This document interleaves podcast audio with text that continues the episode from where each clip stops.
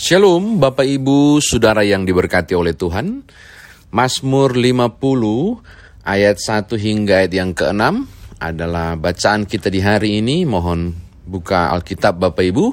Mazmur 50 Mazmur 50 ayat 1 hingga ayatnya yang ke-6 Sebelumnya mari kita satu dalam doa. Bapa kami mau mendengarkan firman-Mu, tolonglah kami agar kami boleh memahami firman Tuhan ini, lalu mengerjakannya demi Tuhan Yesus Juru Selamat. Amin. Mazmur 50 ayat 1 hingga ayat yang ke-6 saya bacakan ini merupakan Mazmur Asaf. Yang Maha Kuasa Tuhan Allah berfirman dan memanggil bumi, dari terbitnya matahari sampai kepada terbenamnya. Dari Sion puncak keindahan Allah tampil bersinar. Allah kita datang dan tidak akan berdiam diri. Di hadapannya api menjilat, sekelilingnya bertiup badai yang dahsyat. Ia berseru kepada langit di atas dan kepada bumi untuk mengadili umatnya. Bawalah kemari orang-orang yang kukasihi, yang mengikat perjanjian dengan aku berdasarkan korban sembelihan. Langit memberitakan keadilannya, sebab Allah sendirilah hakim. Demikian firman Tuhan, saudara dan saya dikatakan berbahagia jika mendengarkan firman Tuhan ini, merenungkannya, memberitakannya, istimewa melakukan dalam hidup beriman kita. Bapak Ibu, Sebagian besar Mazmur ditulis oleh Daud, saya kira saudara sudah tahu jika ketika bicara soal Mazmur, kita akan bicara soal sosok bernama Daud. Kalau kita bicara soal Amsal, kita um, langsung diajak untuk terlekat pada Salomo. Tapi untuk saudara ketahui ada juga beberapa penggubah yang lain, salah satunya untuk Mazmur adalah Asaf. Mari kita lihat hal yang menarik yang disampaikan Asaf. Yang pertama, bagian pertama, Asaf menampilkan siapakah Allah. Siapakah Allah Israel menurut uh, apa yang dia bayangkan. Kalau saudara membaca ayat 1 sampai ayatnya yang ketiga, kita mendapatkan gambaran tentang keagungan, kemuliaan Tuhan. Dari Sion, puncak keindahan, Allah tampil bersinar. Iya, dia mau menggambarkan tentang Allah yang mulia, tentang Allah yang agung. Di hadapannya api menjilat, sekelilingnya bertiup badai yang dahsyat. Silahkan saudara bayangkan ketika Tuhan tampil. Allah kita datang, tidak akan berdiam diri jadi kemegahan ditam, ditampilkan. Dalam rangka apa sih Bapak Ibu? Kalau saudara baca ayat uh, eh, 1, yang maha kuasa Tuhan Allah berfirman dan memanggil bumi. Lalu saudara baca ayat 4, ia berseru kepada langit di atas dan kepada bumi untuk mengadili umatnya. Akhirnya kita temu kita menemukan bahwa Asaf membayangkan tentang pengadilan sorgawi Ketika Tuhan datang sebagai hakim, makanya muncul ayat 6, langit memberitakan keadilannya sebab Allah sendirilah hakim. Dia datang sebagai hakim untuk mengadili umatnya. Langsung wah, bertiup badai yang dahsyat. Baru ada api menjiwa. Ini menggambarkan keagungan dan kemuliaan dan kemahakuasaan. Ketika Allah datang untuk mengadili. Oke, ini hal yang pertama. Yang kedua, mengadili siapa? Dan memangnya ada apa? Kita menemukan jawabannya di ayat yang keempat. Ia berseru kepada langit di atas dan kepada bumi untuk mengadili umatnya. Jadi rupanya yang diadili adalah umatnya. Umatnya dimaksud di sini bukan Bapak Ibu dan saya, belum, belum, belum. Itu nanti aplikasi. Kalau dalam teks ini sebenarnya Asaf mau bicara kepada pengadilan kepada uh, Israel. Pengadilan kepada umat Tuhan. Diadili. Kenapa diadili? Kita dapat ayat yang kelima. Bawalah kemari orang-orang yang kukasihi, yang mengikat perjanjian dengan aku berdasarkan korban sembelihan. Israel itu kan kalau datang kepada Tuhan nggak boleh dengan tangan hampa toh, akan bawa dengan korban bakaran, korban sembelihan. Nah ternyata ada persoalan di seputar itu, di seputar korban bakaran, di, se, di seputar korban sembelihan. Ternyata ada masalah dan Tuhan mau adili umatnya itu. Oke? Okay? Ini catatan kedua. Yang ketiga, yang terakhir, masalahnya apa?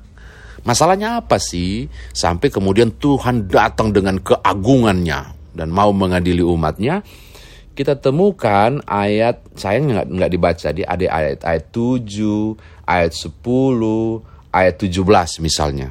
Kita temukan jawabannya. Ayat 7, Dengarlah hai umatku, aku hendak berfirman hai Israel, aku hendak bersaksi terhadap kamu, akulah Allah, Alamu. Lihat ayat 10. Ayat, ayat 8. Bukan karena korban sembelihanmu aku menghukum engkau.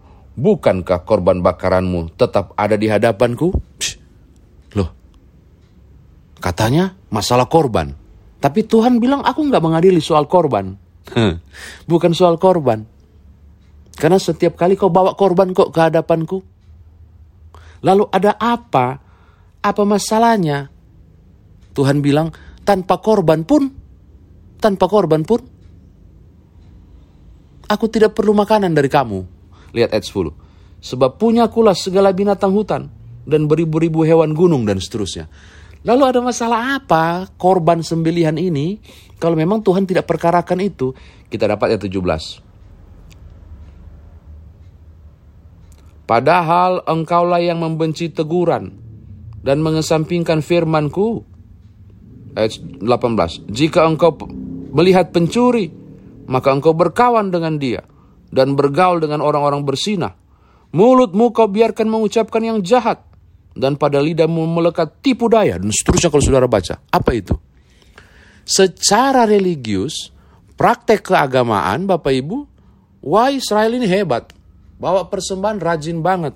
Rajin banget dalam hal spiritual, keagamaan, dalam ibadah-ibadah ritual, mereka luar biasa. Tetapi ini dia. Dalam perilaku nyata, dalam kehidupan nyata, tidak berbanding lurus dengan kehidupan ritual. Ibadah secara ritual mereka hebat. Tetapi ibadah secara aktual kehidupan nyata hancur. Mereka benci teguran. Mereka berteman dengan pencuri dalam pengertian menganggap pencuri itu biasa, bersina itu biasa. Mereka mengucapkan yang jahat ayat 19. Mereka penuh dengan tipu muslihat. Bahkan ayat 30 kau kata-katai saudaramu ayat 20. Jadi betapa masalahnya di situ. Tuhan datang menghakimi bukan soal jenis korban sembelihannya. Tapi korban sembelihan mereka jadi tidak bermakna. Ibadah ritualnya tidak diterima. Gara-gara ibadah aktual kehidupan nyata tidak berkenan di hadapan Allah. Begitu Bapak Ibu. Saya kira demikian firman Tuhan ditafsirkan bagi kita. Nah sekarang bagaimana kita bawa dalam kehidupan beriman kita. Cuma satu Bapak Ibu Sederhana firman Mazmur ini. Tidak perlu bertele-tele. Mau, di, mau dibawa ke mana ini? Satu Bapak Ibu. Bagaimana kehidupan uh, ritual saudara? Kelihatankah Kristen? Beribadahkah saudara tiap minggu? Memberikan saudara persembahan? Ya, uh, secara spiritual baikkah kehidupan rohani saudara? Sehatkah saudara secara rohani? Oke? Okay? Barangkali saudara mengatakan ya, saya mengatakan ya. Wah itu luar biasa. Tetapi Allah akan datang menjadi hakim dan mempertanyakan kehidupan rohani saudara dan saya. Apabila ternyata dalam kehidupan nyata tidak mampu kita praktekkan, tidak mampu kita kerjakan. Kelihatan dekat dengan Tuhan. Tetapi kesetiaan perkawinan tidak dijaga. Kelihatan dekat dengan Tuhan tapi tangan terlalu ringan untuk menampar istri. Atau mulut, wow, coba lihat ayat yang ke pasal 50 ayat 20 itu. Engkau duduk dan mengata-ngatai saudaramu, menfitnah anak ibumu. Wih, ngeri. Mulai dari keluarga. Bagaimana dengan kehidupan aktual saya dan saudara, ibadah aktualnya? Kalau ibadah ritual begitu gemilang, kiranya ibadah aktual pun begitu nyata. Menjaga perilaku kehidupan. Karena ternyata Tuhan perhatikan. Jangan di hari Minggu kudus, Senin sampai Sabtu kudis. Perilaku hidup kita tidak benar. Kehidupan ibadah ritual jempolan, tapi ibadah aktual ternyata tidak sebanding dengan kelihatan indahnya kehidupan spiritual. Karena itu Bapak Ibu, mari untuk menyelaraskan kehidupan rohani kita dan kehidupan nyata kita dalam kehidupan perjumpaan dengan sesama, dimulai dari keluarga, di tempat kantor, di aktivitas saudara. Tampakkanlah kehidupan dan kualitas rohani saudara melalui kehidupan nyata itu. Supaya orang boleh melihat Kristus dalam hidup saudara. Tuhan memberkati Bapak Ibu. Haleluya. Amin.